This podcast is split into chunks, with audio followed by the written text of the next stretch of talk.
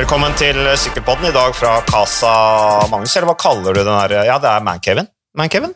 Man- Det er du som er mancaven, eh, Mats. Det er mancaven på, på Hovseter, og så er det guttebula på Bogstad. Ja, og her er det skikkelig guttastemning nå. For her har Andreas Leknesund kommet. Velkommen hit, Andreas. Du kom med bussen. Jordnær som du er. Du er sannsynligvis det er ikke så ofte det er Frans-deltaker liksom, som, som kommer på rutebussen i Oslo, men der satt du veldig bra. Er det bra med deg, eller? Ja, det, det er bra med meg. Det, ja da, tar, tar buss. Det, sånn, sånn er det. Men eh, nei, det er hyggelig, hyggelig å komme hit. Hva du kalte det? Gutte, guttebula. Ja. Det, alt tyder på, på det. Jeg har noe, hva du kaller det? Akttegninger. Fått Ja. sett uh, tissen din malt her. Um, det, Litt av et syn. det er litt av et syn, og det, nei, det er veldig, veldig trivelig å komme. Ja, du, eh, Det var det første du ville snakke om, Andres. Det var aktmaleriene som Magnus har eh, malt da på Det må ha vært på et eller annet vorspiel eller et eller annet. eh, Hvor dere har malt, dere guttegjengen har malt hverandre i mer eller mindre påkledd tilstand. Så, men det var flott. Det er vanskelig å ikke nevne når man, når man kommer inn, tenker jeg. Så jeg syns ikke det er rart at jeg tar opp det. Nei, men Ethvert hjem må ha kunst, og det syns jeg at jeg har løst på en fin måte.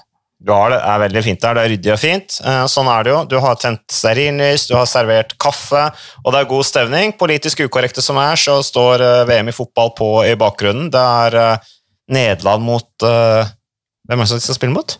Ja, det, det har ikke begynt ennå, men det Senegal. Senegal, er det. Senegal, ja. Så det. Men Ja, og det skal jo sies da at eh, før du kom, Andreas, så uh, satt jo uh, kom, Mats kom litt før deg, og da var det England mot Iran. da, Og så sier jo Mats eh, ja, men er det Jean-Francois Bernard som er dommer? Så jeg, Jøss, er det det? Så, jeg, ja, ja, ja, ja, det er Jean-Francois Bernard. Det er faren til Julien Bernard. Han vant etappe til Mont Ventoux i Tour de France i, i 1987. Bakketempo, hele pakka. Det, det var nesten litt for godt til å være sant, da. Så måtte jeg jo sjekke ut det her, da. du trodde på det, du. Nei, det, skal du komme og si. ærlig at du prøvde å lure meg? For det, det vet jeg at du ikke du, du gjorde. Men Jean-Francois Bernard, 60 år gammel, ja. du mente han var utrolig lett i steget. Jeg tror ikke han har vært så lett i steget. Nei. Men eh, brasilianske Rafael Klaus, som da dømte kampen, ligna litt, hvis vi legger godviljen til. Ja, Hvis du ser på bilder av Jean-Francois Bernard fra når han var ung og sprek, så mm, ligner han nå er han innrøyka og ganske sliten. Tusler mye rundt i Tour de France-området der hvert år og jobber for eh, fransk eh, presse. Sønnen hans, Julian Bernard, sykler jo i Trek Segafredo, en bruddrytter som du eh, helt sikkert har muligens lagt merke til i feltet, eller kanskje ikke. Jeg jo, jeg tror jeg har hørt navnet. Ja, men du har ikke noen Julian Bernard-historier? Nei, jeg har faktisk ikke det. Nei, nei, men da lar vi det ligge. Eh, Dette er jo Sykkelpodden, og vi skal prøve å være litt aktuelle. Eh, Så vi må jo ta det siste av aktualiteter fra den internasjonale og norske eh, sykkelsporten. Worldcupen i Overreise. Magnus, jeg vet at du var og løp løp. Hva het det løpet du løp i helga? Rekordløpet i Lier. Men ble det et rekordløp for deg? Eh, nei, Uh, eller så jeg har ikke løpt så mye 10 km før i mitt liv, men jeg løp på 41,15. Jeg syns det er ganske bra at jeg ikke har trent noen ting. Ja. Men jeg fant ut på Strava at jeg har løpt en raskere 10 km tidligere i Oslo sentrum mens jeg venta på litt røde lys og sånt. Mm. Så, at, eh, så formen har vært bedre. Ja.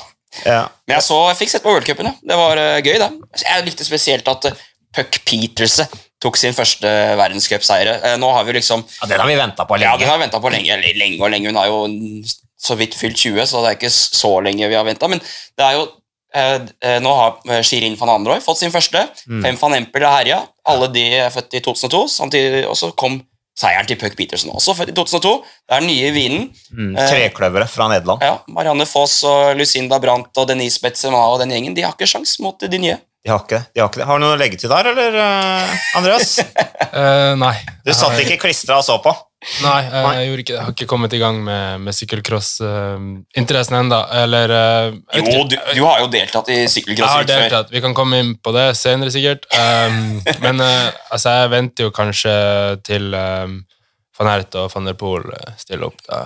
Jeg vet ikke. Jeg er litt sånn, jeg ikke, føler jeg blir litt um, for spesielt interessert å se når ikke, ikke de er med. Jeg vet ikke. Men da, kan du, men da kan du jo allerede si at Pidcock er med nå, eh, Mm. og til helgen så skal Mathieu van de Poel eh, komme tilbake. Mm. Og så er det vel da om eh, ikke denne helgen, men neste helg etter det, så kommer også Wout van Ert. Så det nærmer seg nå, Andreas. Da skal jeg si ifra til deg. Nå må du se på. Nå er gutta tilbake. Da er du invitert hit Andreas, til å sitte her i mancaven eller bula til eh, Magnus og se på sykkelcross. Det blir bra. Ja, Det, det syns jeg vi skal få. Det Det, det høres eh, veldig, veldig hyggelig ut. Ja, da, ja, det, men jeg, jeg, må bare si at hittil i, i år så synes jeg egentlig at uh, jenterittene har vært mer spennende enn gutterittet. Ja, men det gutterittet som var eller Ja, ja, som var i går, ja, var knallbra. ja. Duellen mellom eh, Michael van Torenhout og Thomas Pidcock, det var veldig bra. Ja. Thomas Pidcock var, han, han fløy, altså. Ja, men eh, det, det er det første Ok, det og Koppenberg Cross er de eneste eh, crossrittene jeg har sett i år hvor guttene har laget spennende ritt enn det jentene har. Mm. Ja. For oss som ikke så på det rittet, hvem da som vant den duellen, egentlig? Det var Michael van Toren som vant til slutt. Okay. Uh, og det som var veldig spesielt, da, som du bør bite deg merke i når du møter Thomas Pidcock ute på landeveien til, um, til neste sesong, det er jo det at uh, han hadde mekanisk problem.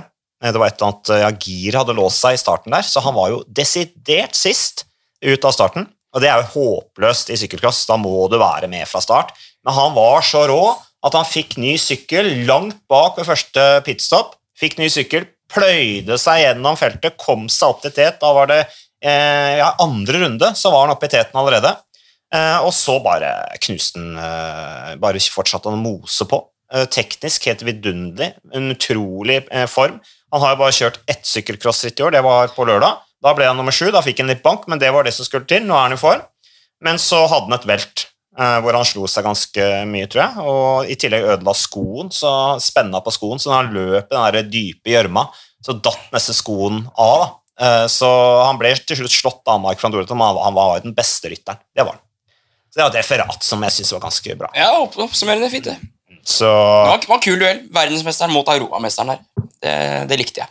Hvordan vil du beskrive Thomas Pidcock som rytter, Andreas? Du har jo sykla, du har kanskje ikke sykla så mye med igjen. Kan du liksom, har du noen erindre liksom at du har konkurrert noe med han?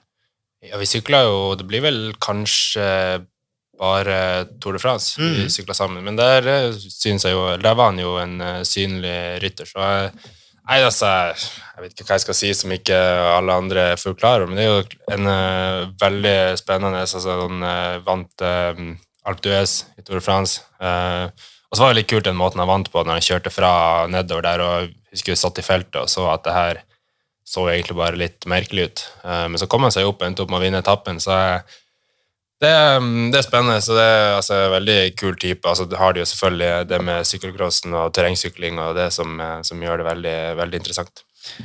Og så er det jo mange som eh, Eller det har vært en sånn derre Det blir jo alltid Hver gang Wout van Ert klatrer bra, så eh, stiller eh, hele sykkelverdenen seg spørsmålet Kan han vinne Tour de France. Og det er begynner å bli litt lei av. Men Thomas Pidcock snakker jo litt om at han kanskje i, i fremtiden eh, har lyst til å ta den retningen. da At han eh, om noen år Først vil han kanskje ta et OL-gull til eller vinne litt mer på sykkel, og sånn, og så eh, kan det være at han vil satse på, på samla. Kan han klare det? Jeg vet ikke, det er et godt spørsmål. Du kan si han kan vel helt sikkert Det har sikkert um, hva man skal si, fysikken til det. Men så er det jo veldig mange som kanskje er et hakk over på det, i hvert fall av det vi har sett nå. Det er vanskelig å, å slå Vingegård, Pogacar, Evnepol. Ganske mange som kanskje per nå eh, ser, ser, ser ut som bedre på, på det da, eh, på sikt. Men um, så det er jo, jeg vil ikke si det er et nederlag hvis han ender opp med å vinne masse ettdagersløp og, og etapper istedenfor. Um, ehm, Nei, på ingen måte. Men han er jo en litt annen, han har en annen fysikk da enn Wout van Night, eksempel, så det er kanskje ikke så urealistisk at han Hvis det er en av de to som kan gjøre det, så er det jo van Aert vant jo ikke babygiroen som U23-rytter. Det gjorde Thomas Pidcock. nei, vi kan vel si at van Aert kommer ikke til å vinne Tour de France. Pidcock kan det. Mm, ikke sant? Det syns jeg var en fin oppsummering. Ja, det var egentlig det, det er siste ordet jeg har sagt, egentlig, den saken der. Men vi, når vi først er inne på det, jeg har jo, jeg har jo forberedt meg grundig til, til den podkasten her. Um, og der har jeg et notat hvor det står Ben Turner, som er 23 år. Han har jo forlenget avtalen med Ineos ut 2026. Han er jo brite, og de bygger opp et lag for fremtiden. Ineos med mye unge ryttere. De har jo Pidcock er nevnt, de har Magnus Sheffield, Luke Plapp, Narvaez, og så har de Leo Hater, og ikke minst din tidligere lagkamerat, eller nå, han er en lagkamerat med deg nå, Tymen Arensmann, som jo vant denne knallharde etappen til Seria Nevada i eh, La Vuelta. Litt overrasket over at han forlot laget, eller?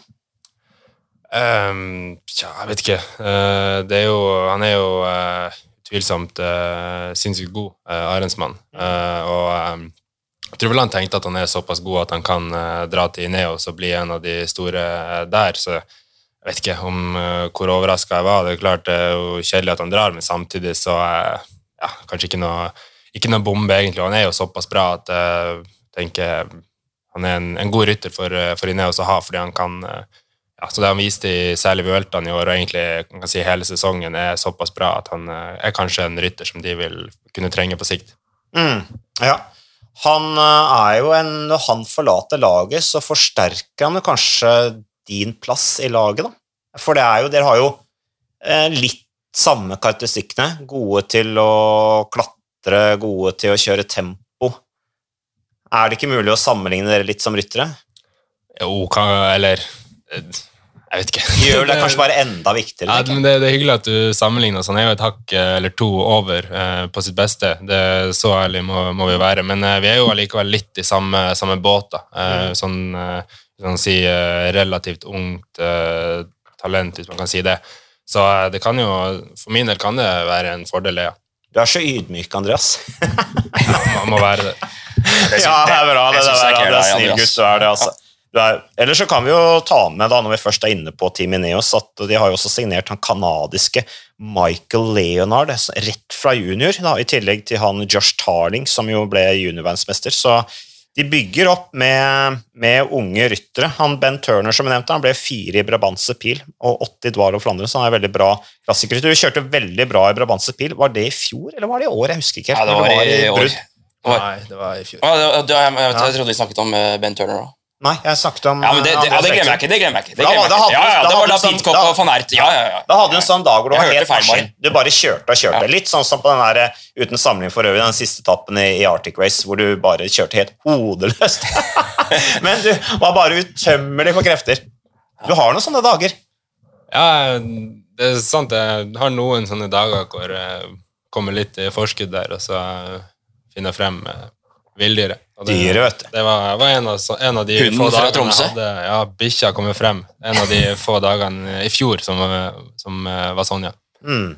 Men er du helt ustyrlig da, for sportsdirektørene? Altså For det sånn taktisk sett, det er jo ikke noen Det er jo litt sånn Valf van Ert over det, det er jo kult å se på, men uh, du kunne vel kanskje ha spart litt vært litt mer rasjonell, kanskje? Du måker jo bare på. Ja, men det begynner jo Altså, kan jeg si eh, Det er jo jo en del av planen. Kanskje ikke nødvendigvis uh, at ting skal bli akkurat sånn, altså, men uh, jeg er jo glad i å gripe de sjansene jeg får til å uh, kjøre på den måten. Og så har det jo også blitt tydelig at det er noe jeg får til, så det er jo litt sånn fra sportsdirektørens side så kan du si at å sende meg et tidlig brudd, vil du si taktisk kanskje ikke ja, litt ulogisk, samtidig som det også har vist seg å lykkes et par ganger. Så det er liksom ikke nødvendigvis at Ja, vi ser vel at det, det funker, så da det, blir jo det også gjerne en uh, taktikk. Men er det også litt sånn Det har jeg tenkt litt på, er det sånn f.eks. under Arctic Race, da. den etappen, Det var vel Victor Lafay som vant den etappen opp til det stedet i Trøndelag med veldig rart navn. Mm, ja, Overfor Levanger der, ja. ja, ja. Mm. det var en ganske eksplosiv stigning. Uh, hvor du Jeg vet ikke hvilken plass du kom på, nå var sånn 10.-15.-plass eller et eller annet. ikke sant? Jeg tror det var lenger bak. Enda, ja, ikke sant? Enda lenger bak. og det uh, Men du, dagen etterpå eller to dager etterpå eller hva der, så er jo du den desidert sterkeste i feltet. Men er det, er det litt sånn at det med å gå i brudd uh, på en måte blir din største sjanse til å vinne når Kanskje fordi du mangler litt den eksplosiviteten noen ganger i, i sånne type bakker, da? Ja, det, det, er et godt spørsmål, og det er en ganske lang uh, uh, Jeg vet ikke, Det kan bli, kan bli, en lang samtale ut av det. Jeg vet ikke hvor mye vi skal prate om det. Men det, altså, det er jo ikke noe tvil om at jeg har vist meg å være ganske bra på uh, um, ja, Litt det å være på forskudd, egentlig. Um, vi, det ble sagt i, i Torn på Jeg husker ikke hvordan etappe det var. Jeg ble nummer åtte fra et brudd. Timeskjev. Ja. ja, og da husker jeg jeg var ganske misfornøyd. Uh, etterpå at jeg klarte å bli nummer åtte. Jeg var vel sikkert sist av oss som kom samla opp til flystripa på toppen der. Uh, og da var det sportsdirektøren min som sa det, for jeg var ganske misfornøyd med at jeg ikke klarte noe bedre, for det mener jeg at uh, fysikken min tilsier at jeg skal. men det er bare sånn at det sier plutselig stopp. og da det, det han konkluderte med at jeg er veldig god på hva han sa. Han sa det på engelsk. Prøver å ikke gjøre det kleint. Men han sa sånn uh, You are good at being the hammer, but shit at being the nail. og det, det han mente da, er jo liksom at jeg har, bruker å være ganske bra hvis det er jeg som kan gi uh, juling. Og idet jeg, begynner, i det jeg får juling, så kollapser jeg litt. Og uh, det ja, og det er jo litt det som kommer frem. Da Da tar vi også Brabantsepil i fjor, da når det ble nevnt. Det er jo en sånn dag hvor jeg ikke nødvendigvis er rå fysisk, men det bare det, det, hjelper meg veldig å være i den situasjonen. Um, og det har ikke nødvendigvis med at jeg er lite eksplosiv, eller sånn, det er bare at jeg trives veldig godt med å være i, i den angrepsposisjonen som, som, det er. Så uh, ja, Arctic var, var, interessant, og der følte jeg også at jeg er på vei ned. Uh, og den siste etappen der var egentlig um, målet mitt uh, Altså, jeg starta skikkelig dårlig. Jeg satt bakerst med Tobias Johannessen når masteren gikk, og vi vurderte å stå av. Han endte jo opp med å stå av. min dag løsna litt Eh, en time uti der. Eh, og da ble målet mitt å bli mest offensiv rytter, eh, fordi at jeg følte meg skikkelig dårlig. Men, men så løsner det, og da, det er jo interessant, da. Men hvorfor det er sånn, det vet jeg ikke, og det prøver jeg å jobbe litt med, men samtidig syns jeg også det er litt artig og når jeg først ser at det er sånn, så er det jo mulig å, å utnytte litt også. Jeg tenker på, tilbake til dette her med Det er opprettet et mentalt aspekt her. Da, at Når du ikke sant, sitter i en posisjon der, og du plutselig ser å ja, nå er jeg plutselig tet, eh, vi nærmer oss mål, og nå er det bare å gi på, eh, så er det tydeligvis et, et sånn mentalt aspekt der som, som, eh, som, også gir deg litt ekstra energi. Men jeg tenker på, er det ikke litt sånn sykkelsporten, moderne sykkelsport utvikler seg nå? da? Med at det går disse her tidlige bruddene, ganske store brudd de lager løypeprofilene sånn at eh, det skal slite seg av gårde en ganske kjøresterk gruppe, eh, og så er det egentlig ganske gunstig for deg. Det blir litt sånn det er vanskelig å kontrollere for lagene bak. Det blir litt mindre eksplosivt, men litt mer seigt. Ja, det, det, passer fint. Jeg synes det er like sånne løp hvor det går hardt fra start, gjerne går rett inn i en bakke, og det begynner å rive litt allerede der. Eh, så eh, det, jo, det kan si det passer når det blir den type sykling at det er mindre kontroll. Så jeg trives jo med det. Mm. Hva tenker du om det? Det er det jeg sa akkurat nå, om at uh, sykkelsporten utvikler seg i en gunstig retning for brudderyttere som Andreas Leknesund, uh, Magnus? Ja, det kan godt være at du, du, har et poeng der, Mats. Du pleier å si kloke ting. Uh, og... Ja, Men du heiv deg ikke på i begeistring? Nei, jeg satt litt i egne tanker. Ja, Og ja. klødde deg i skjegget. Ja. Jeg, jeg, helt ærlig, jeg fulgte ikke så nøye med. Var, Nei, du satsa ja. på fotball, det var det du gjorde. Men uh, tilbake til uh, hvis vi skal være Men det var uh, det er interessant det der, Andreas. du er en skikkelig bruddrytter. Det tror jeg vi kan konkludere med. For øvrig, Arctic West, så tok du din første sammenlagtseier som proff. Det var altså første seieren sammenlagt i Arctic Race siden Thor Hushovd i 2013. Det er jo litt, det er litt vakkert, det der. Du var jo der og så på sånn gutterytt latter og greier. Det er jo en litt sånn, ja, litt sånn rørende historie, syns jeg. Ja, den er, den er, flott. Det er på grensen til uh, klisjé. der, Men altså, Arctic uh, det er klart det er stort for en gutt fra Tromsø som har kan si, vokst opp med det rittet der, og det har helt klart vært um, en stor ja, tent, tent en gnist hos meg fra, fra jeg var, var, ung. Så det er ja, du kan si det er et av de kanskje største rittene for meg personlig å, å faktisk prestere i, så det, det ble, ble stor dag. Mm, ja, det var stort. Det var stort, Og så var det veldig gøy å sykle i Trondheim der. Fordi Jeg var litt bekymra for at Trondheim skulle bli litt kjedelig, for det er en stor by. ikke sant? Jeg er vant til at det skjer ting. Og så er det sykkelløp. Kanskje var jeg litt sånn redd for at det skulle bli sånn negativt. De må stenge veiene og sånt, Men det ble jo den folkefesten. Ja, Passa perfekt med fadderuka, vet du. Ja, Hva? Det må ha vært uh, gøy?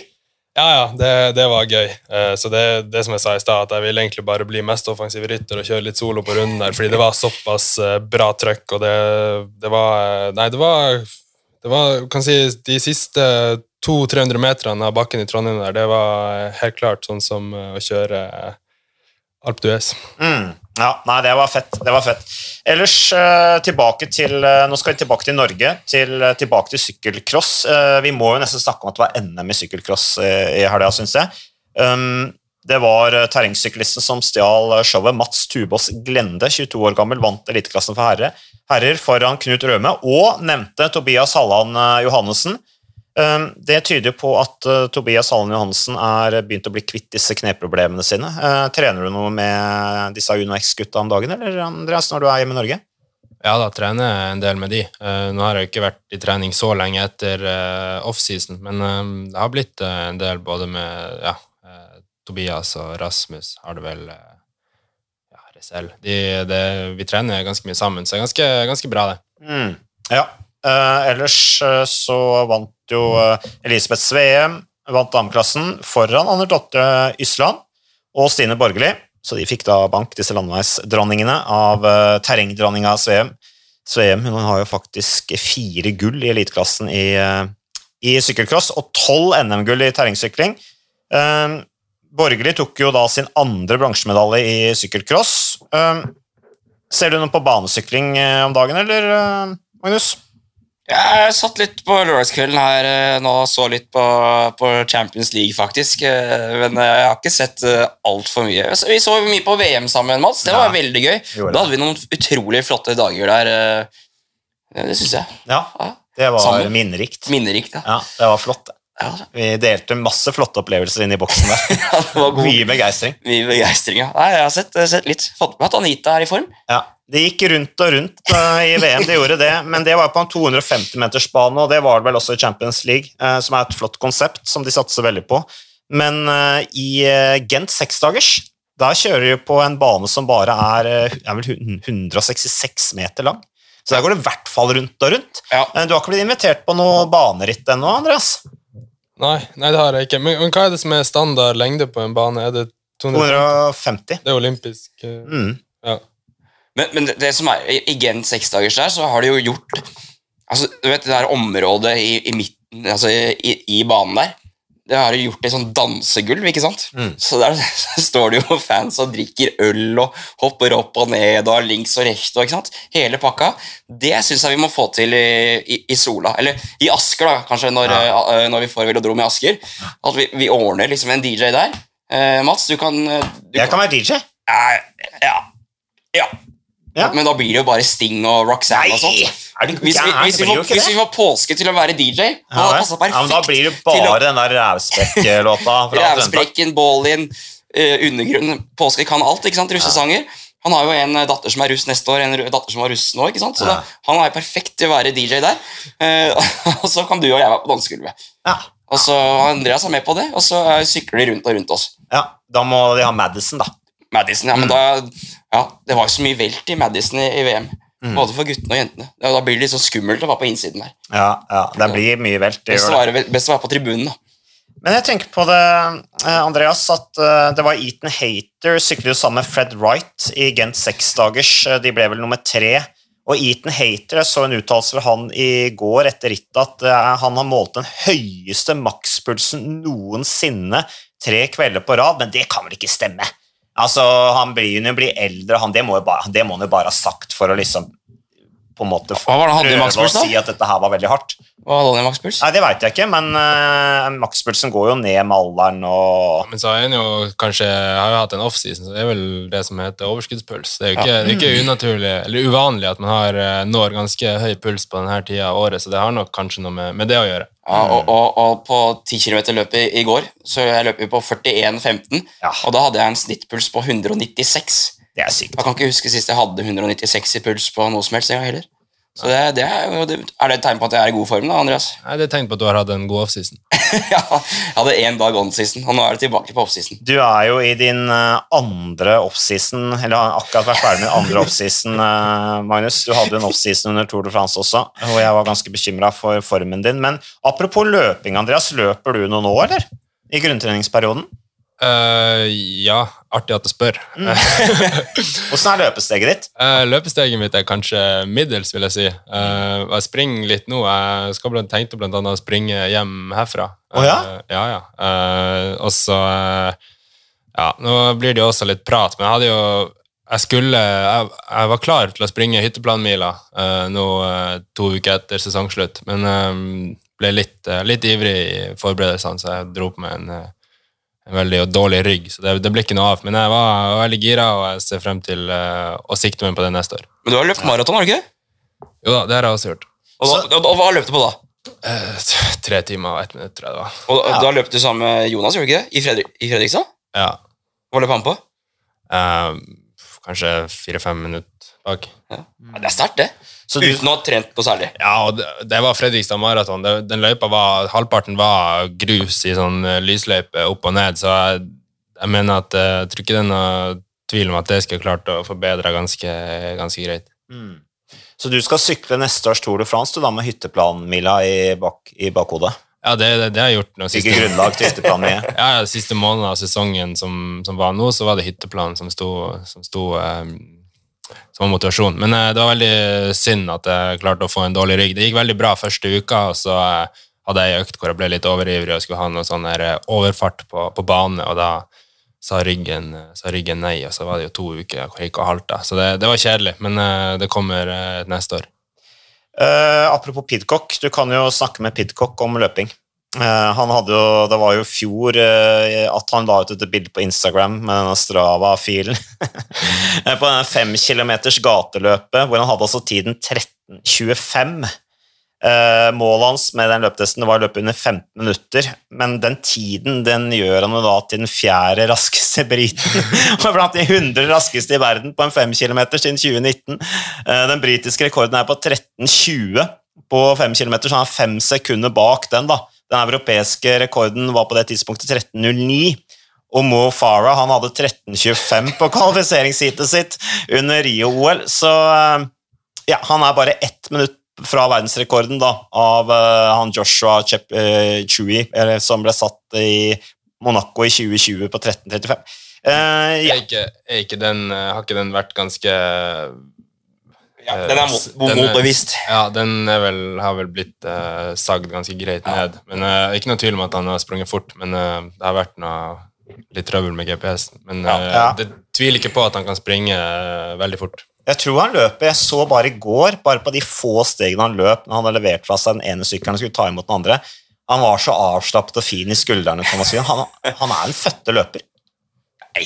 Jo, det, Nei. Han er jo selvfølgelig en mer født syklist, men eh, absolutt han kunne blitt en veldig god løper. Det tror jeg. Så, men så løping det er litt som dansing. At uh, du må ikke bruke skuldrene så mye. Det har, det har jeg fått tilbakemelding på sånn rent danseteknisk. At uh, når du danser, da, så bør du uh, bruke skuldrene så lite som mulig, og heller ha fokus på hoftene. Og så må du helt sikkert være på forfot. Ja. Mm. Jeg vil tippe dansing òg. Det vet kanskje du mer om, Mats. du har vært med Skal vi danse. Ja, eh, ja. Nei, altså du må jo Dansing er jo ikke sånn som løping, for at i løping så, så må du slippe Du må være avslappet i skulderpartiet, for som min far sier, all bevegelse starter i skuldrene. Er du stiv i skuldrene, så planter det seg nedover i systemet, ikke sant? helt ned til foten, mener han da, og det binder pust og alt, så du må slappe av skuldrene, mens i dans da, så må det jo være, ikke sant, der skal du være, bruke krefter helt ut til fingertuppene. Du må ikke være slapp i bevegelsene. Der skal du på en måte Det skal ose energi da, av hver lille bevegelse. Og det fikk jo jeg kommentar på at jeg var for slapp ute på dansegulvet. Så du blir slaktet av eh, Trine Deli Kleve og. Ja, hun slakta meg, Uh, og, og jeg uh, ja, jeg, jeg sa til dansepartneren min da, at jeg er ikke Jeg skjønner ikke at dere sier at Skal vi danse Jeg koster så mye krefter. Jeg får knapt noe puls, jeg blir ikke svett i det hele tatt. Og sier at det er fordi du ikke tar i. Sa han, hvordan skal man ta i når man danser? sa jeg da. Ikke sant? Og det, det mente hun at jeg, jeg ga ikke nok av meg selv. da. Derfor røyk jeg også. Jeg var vel med i fem programmer. Så, så det Ikke så gærent, det, da. Nei da, det holdt i massevis.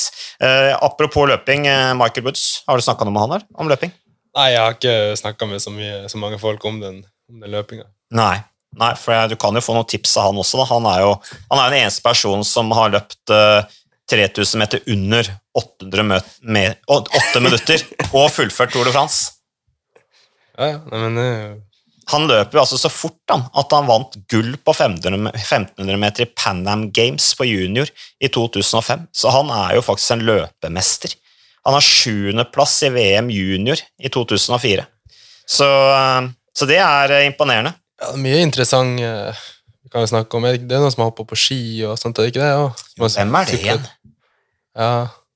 Primoz Roglic. Nei, det er artig, det. Artig det. Neida, men det er gøy. Men uh, løping, det blir spennende det å se deg hytteplanmila neste år, Andreas. Men uh, hvilke andre planer har du for 2023 utover hytteplanmila? Jeg regner med at DSM har satt opp litt andre målsetninger enn bare det.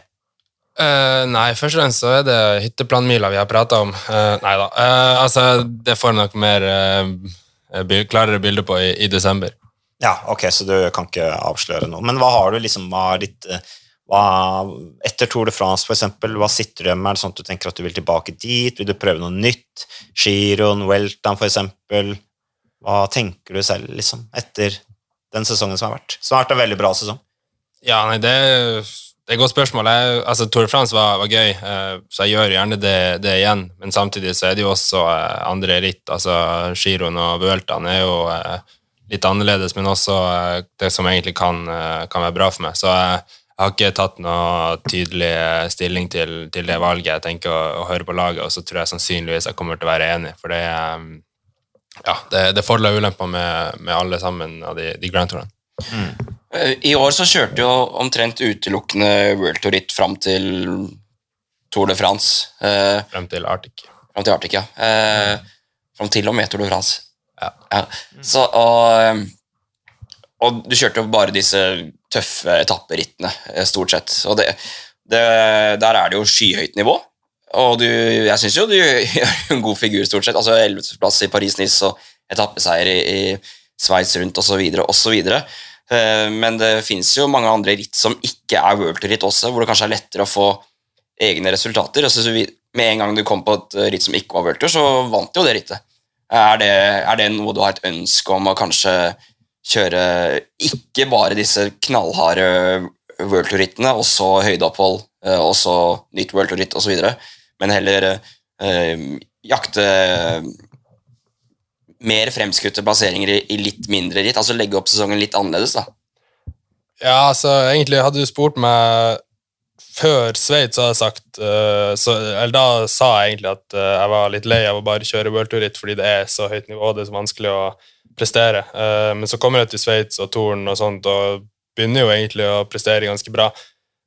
så etter det så vil jeg si at det er jo ganske fett å kjøre de løpene, for når du først lykkes, så er det så utrolig kult. Um, og så er det jo også f.eks. Torn, så trenger du ikke å vinne heller for å kunne sitte igjen og være relativt fornøyd. Uh, så det er klart det, er gøy å vinne løp, men samtidig så er det det med Etter den sesongen jeg har hatt nå, hvor jeg har kjørt nesten bare de rittene der, så har jeg tatt store steg på det. Uh, og jeg tenker at fortsetter jeg sånn, så er det også der, der hører hjemme. Så jeg har ikke egentlig tenkt at jeg skal kjøre mange mindre løp egentlig.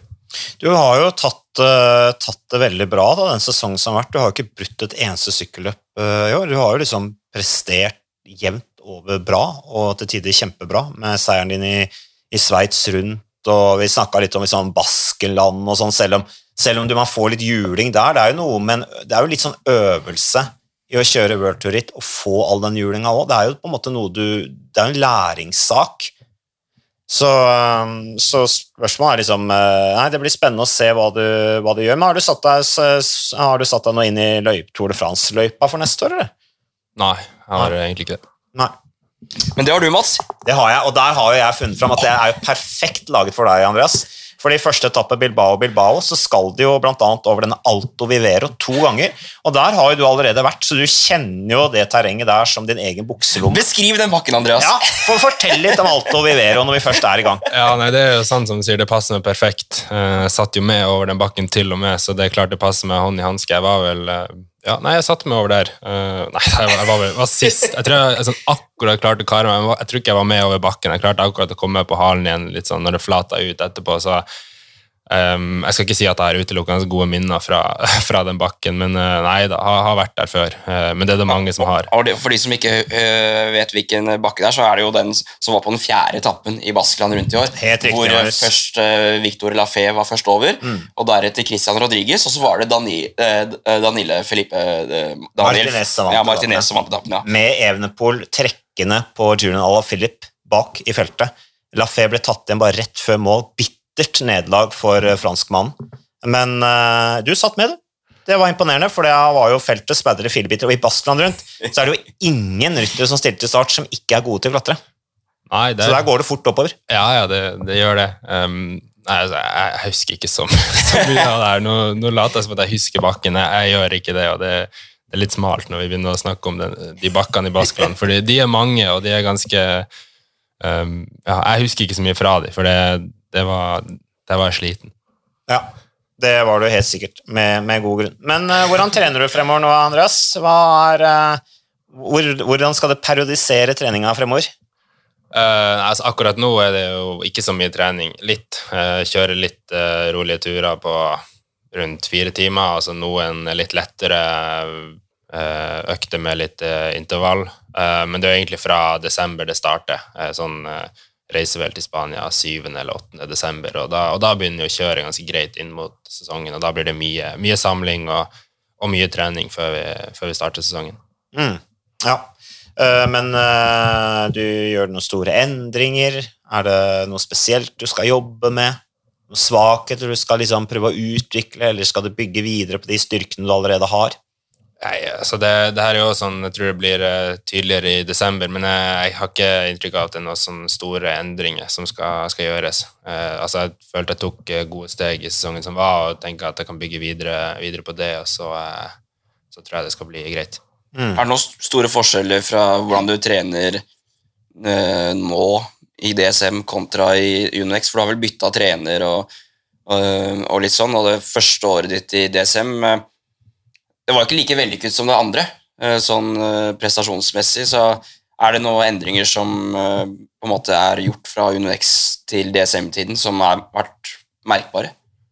Uh, ja, altså det trenes annerledes. Uh, du kan si at trener ikke, trener ikke like hardt. Eh, trener ganske mye nå, men ikke mindre sånne intervaller. Kan kjøre terskel veldig hardt lenge, mange ganger opp ned tryvene. Det, det gjør jeg egentlig ikke nå lenger. Men eh, når det er sagt, så har jeg jo kanskje sikkert mer tid i høy sone i sesongen som har vært nå, enn det jeg hadde da. Eh, det skyldes jo bare at det er mye flere ritt. Du må hvile mer imellom konkurransene som er, fordi de rittene vi kjører, det er mange løp, og de løpene man stiller opp i, er også såpass harde at det, det må hviles. Så eh, det trenes annerledes, ja. Eh, kan si det, Trening nå virker litt eh, slappere rett og slett, enn det det gjorde da jeg sykla på UnoX. Men da hadde jeg også eh, siste sesongen der var jo koronaår, sikkert 20 løpsdager. Mens nå hadde jeg 68, fant du vel ut.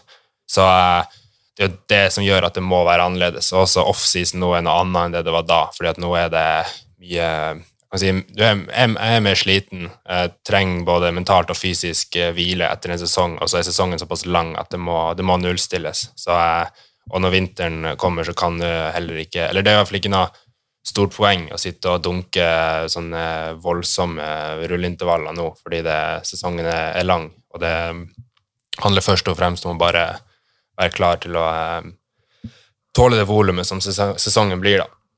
Mm. Uh, jeg, uh, jeg, hørte Jeg hørte litt intervjuer med forskjellige folk om, uh, om ferier og, og, sånne ting. Jeg hørte intervju med Fred Wright, blant annet, som, som, også tok en hel måned hvor han ikke rørte sykkelen. Um, hatt en fantastisk sesong, han også, for øvrig. Men, men, styrketrening, sånne ting, hva gjør du med, med sånne ting? Trener du styrketrening? Altså tradisjonell styrketrening? Ja ikke så, kanskje ikke tradisjonell styrketrening. Jeg har starta litt opp nå, men da det, vi nå Det er kanskje en forskjell. I år skal jeg ha litt mer, sånn, rep, mer repetisjoner. Eh, så eh, skal ikke snakke for mye om akkurat hvorfor. Jeg tror, jeg tror, det var fordi at vi ikke tenker at jeg nødvendigvis trenger den, styr, den der maksstyrken. Uh, mer det å bare løfte litt, litt mindre vekter for å få tenke sånn skadeforebygging og, og det å litt sånn bein, beinhelse og sånne ting. Sånne fordeler som styrketrening kan ha. Uh, så jeg, jeg, trener styrke, men ikke, ikke sånn der maks, uh, maks på knebøy og, og sånt. Nei. Men uh, mage og rygg og sånne ting, det har du sikkert litt trening med, eller? Det blir jo det av en av Hvis du tar ta litt knebøy, så får du litt mage og rygg, men jeg kunne helt sikkert vært, eh, vært, flinkere på det. Og det vet jeg vel også at du har sagt at jeg burde gjøre når jeg humper på, sykkelen av og til. så hvis det, hvis, det det du, eh, hvis, det er det du, hinter til, så jeg kan eh, Nei, det var egentlig ikke det jeg hinta til. Det var mer av rein nysgjerrighet. Så, men jeg har kanskje sagt det at du sitter litt urolig på sykkelen. Ja, når jeg blir sliten, eller til og med før jeg begynner å bli sliten, så, så humper jeg litt. men da kommer denne hundetunga ut. Men du, du blir jo kalt hunden fra Tromsø, eller bikkja. Og, og, og, hva er egentlig historien bak det? Ja, det er jo ikke sånn veldig, veldig interessant historie, men det er egentlig Jeg, jeg synes det er en fin historie. Ja. Det starta egentlig bare med en skrivefeil. Uh, at noen på laget skulle få Det var vel en ny sånn sykkelcomputer, så sto det Leknes hund eh, på den. Noen har skrevet det. Så han skriver feil der, og så uh, min kjæreste Elisabeth plukka opp det, da, begynte å kalle meg for Leknes hund, og derfra ble jeg hund, og så begynte laget, de skjønte at jeg ble kalt for hund, så ble det bare dog. Uh, så på laget nå så er jeg bare the dog. Og det, den tar jeg. Jeg synes det, det passer fint. Jeg syns av og til jeg kan minne litt om, om en hund. Du har den tunga som kommer ut når jeg, når jeg jobber, og litt den stilen og måten å sykle på og sånt. Og så syns jeg det, du får litt sånn gode du, Det høres bra ut å bare si uh, hund, og så kan du bjeffe litt. Og, Ja, du er litt bikkje på sykkelen. Du er det, altså. ja, ja, så, så jeg tar den, så Og så er det litt artig der på radioen når det er sånn Come on, dog. Come on, dog. Ja, ja. ja, men det er fett. Det er fett. Trives med det. Det er bra. Nei, men jeg tenker... Og så er jo ditt favorittalbum fra Snoop Dogg det er jo Doggy Style. Doggy så du, det, er jo, det liker jo du. Klassik. Altså, det er jo det, kanskje det beste rappalbumet noensinne laget. Jeg regner med dere har, kan deres Doggy Style. Barna? Ungdommen? Eller er det for gammel rap for dere? Jeg hører eh, mest på moderne rap. Ja, ja. Det blir for tøft for dere, det. det, det. Jeg tåler ikke sånt. Så det, nei, så dere, har ikke, dere har ikke hørt Doggy Style-albumet med Snoop Dogg? Nei, Jeg prøvde å finne det her en gang du hadde Liam på besøk. vet du. Ja. Da skulle vi finne det, men jeg fant det ikke på Spotify. Han spør jo om jeg kan spille Snoop Dogg når Ja, jeg ja. sitter i bilen. Ja, ja, Han digger det. han, ja. Så han, han ja. fra. Han, det, det, er mer, det er mer sånn reggae. Det er mer reggae. Men, eh, nei, men eh, Andreas, eh, jeg tror ikke vi skal dra han for langt. Du skal jo løpe hjem og greier også. Ja, jeg, jeg må bare Jeg hø hører om én ting til da, med Andreas. Ja. Ehm, eh, fordi det ikke mange vet da, om, om Andreas, som jeg fant ut ved en tilfeldighet en gang, Mm. på, på en fest. Ja. Og det, denne festen det var dagen før siste etappe i Sveits rundt i 2021. Da hadde du ungdomstrøya, husker du det, Andreas?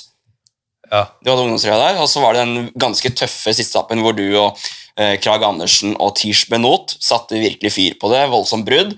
Men så var det noen lag Båra litt sånn som skulle kjøre, forsvare noen syvendeplasser i sammendrag, og sånn, så dere holdt ikke unna. Men du var voldsomt på offensiven.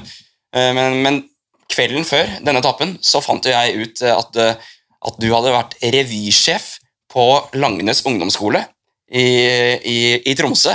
Og det, og, og det syns jeg på en måte eh, lytterne fortjener å, å, å høre om. da. Ja. Fordi at Spiller på mange strenger, Ja, ikke sant? Gjør det. det, det, det, det, det, det, det ble jeg litt overraska over. Og det er sikkert mange som blir overraska over, over det også. Ja, hva du, hva du vil jeg Nei, jeg bare, si? jeg bare lurer på Hvordan du ble revysjef?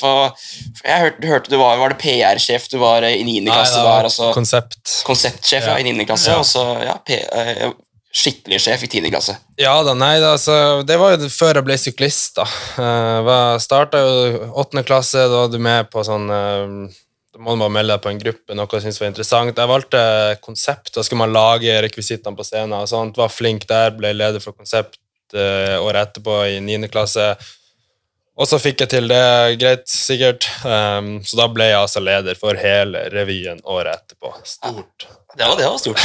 Kapteinsrolle? Ja, det syns jeg. Ja, ja, ja. Ti- ja, det er tidlig ute med ta ansvar. Mm, leder, ledertype. Ja da, nei, der, eh, men altså det Hva var det revyen handlet om, eller hva var konseptet det året du var sjef? da? uh, da var det et Godt spørsmål. Jeg tror det var CSI Barfot. Barfot var revyen på Langnes. Uh, Barfot-revyen heter det. Så var er sånn CSI-tema. Eh, det var, var sjukt bra. Vi introduserte flammekastere på skolerevyene i Tromsø. Det slo ganske, slo ganske bra an. Vi fikk eh, gode tilbakemeldinger og eh, gikk med stort overskudd det året. Så det var, det var, det var et bra år. Og ja, det her er før, før jeg ble syklist. og hva er man det? 15 år. Så derfra ut så, så satsa jeg sykkel, men før det så var det litt, litt alternativt. Ja, når, da du følte at eh, når, når, du hadde liksom ledet eh, CSI Barfot til tidenes overskudd og tidenes suksess, så tenkte du nå er jeg, nå er jeg ferdig på revyscenen, nå må jeg finne noe nytt, og så ble det sykkel.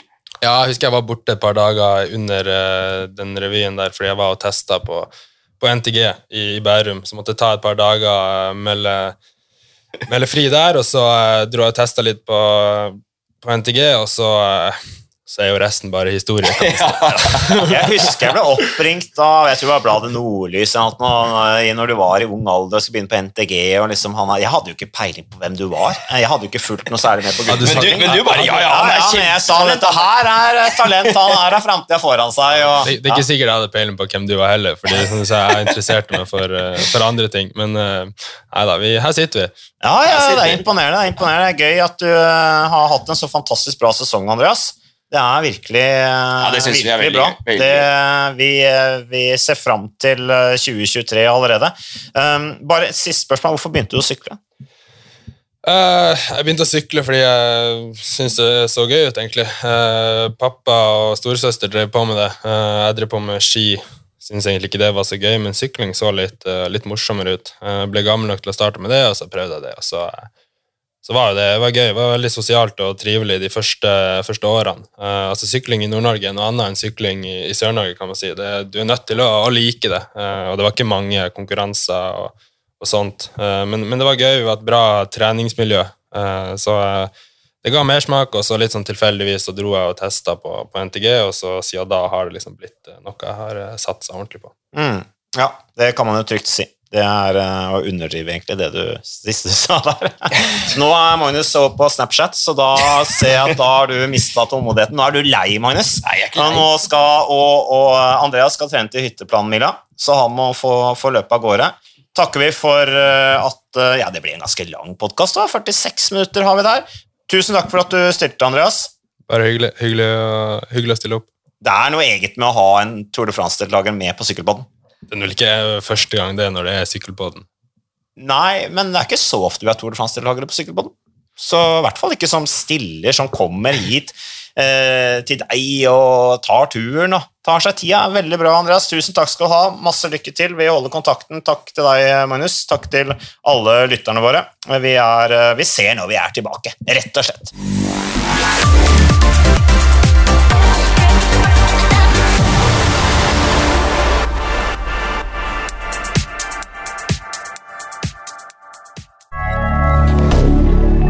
moderne media.